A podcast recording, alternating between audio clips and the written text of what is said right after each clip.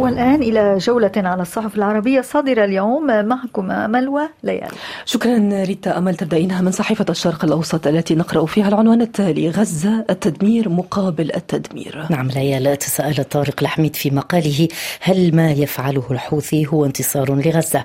الأكيد لا يعلق الكاتب. ويضيف أن الحوثيين حالة فريدة من نوعها في قلة الوعي السياسي والعسكري. وهم الذين استهدفوا سفينة تزود اليمن بالغذاء وأخرى متجهة لإيران.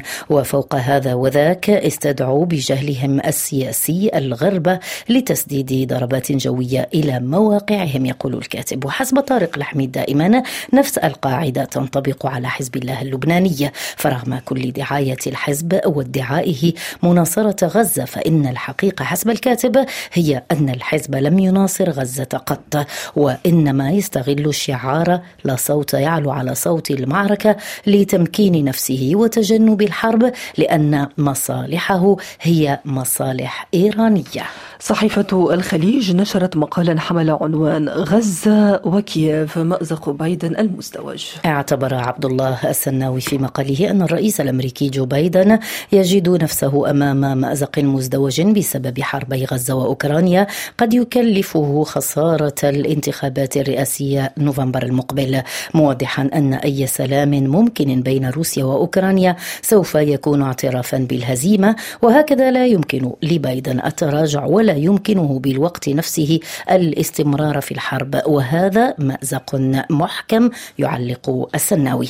أما بالنسبة لحرب غزة يقول الكاتب إن بايدن يواجه نفس المأزق فهو لا يقدر على فرض تصوراته على الحكومة الإسرائيلية لليوم التالي ولا يحتمل أن تفلت فرص التهدئة من بين يديه وهنا سيواجه أيضا أزمة داخلية. عن أبعاد الاتفاقيتين التركيتين مع الصومال وجيبوتي. نقرأ هذا العنوان في صحيفة العربي الجديد أمل. توقف محمود علوش في مقاله عند توقيع تركيا والصومال في الشهر الماضي اتفاقية للتعاون الدفاعي لعشر سنوات. وأشار الكاتب إلى أن إبرام هذه الاتفاقية جاء مباشرة بعد إبرام إثيوبيا اتفاقية مع إقليم أرض الصومال الانفصالي لأغراض التبادل التجاري لخمسين عاما. ما يجعل تركيا جزءا اساسيا من ديناميكيات الصراع بين الحكومة الفيدرالية وإقليم أرض الصومال.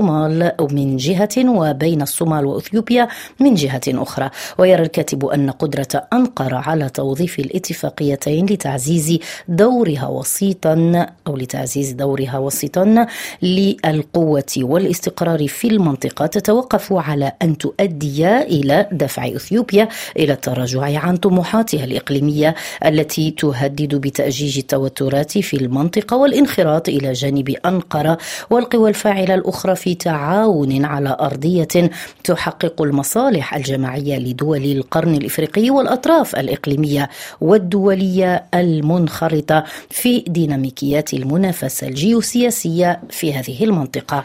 في صحيفة العرب اللندنية نقرأ هذا العنوان الكويت حل البرلمان ليس حلا. كتب أحمد شهاب أن الكويت اليوم في حاجة ماسة إلى تضافر جهود المفكرين والسياسيين لبلورة رؤية إصلاحية شاملة تعالج التحديات وتضع خارطة طريق واضحة للمستقبل مضيفا أن تكرار حل مجلس الأمة له تأثيرات مقلقة سياسيا على مستقبل البلاد. من أبرز من أبرز هذه التأثيرات إضعاف ثقة الشعب في المؤسسات الديمقراطية وإحداث خلل في استقرار النظام السياسي إضافة إلى إعاقة مسار إقرار القوانين والتشريعات الضرورية لتنمية الاقتصاد وتنفيذ المشاريع التنموية ويؤدي كل هذا إلى تأخير تنفيذ الخطط الاستراتيجية وجذب الاستثمارات. فهل ستفرز الساحة السياسية خلال الأيام المقبلة طبقة سياسية جديدة تؤسس لمرحلة مختلفة من الإصلاح والنهوض وتحمل على عاتقها مسؤولية بناء مستقبل أفضل؟ يتساءل أحمد الشهاب في صحيفة العرب. شكرا أمل.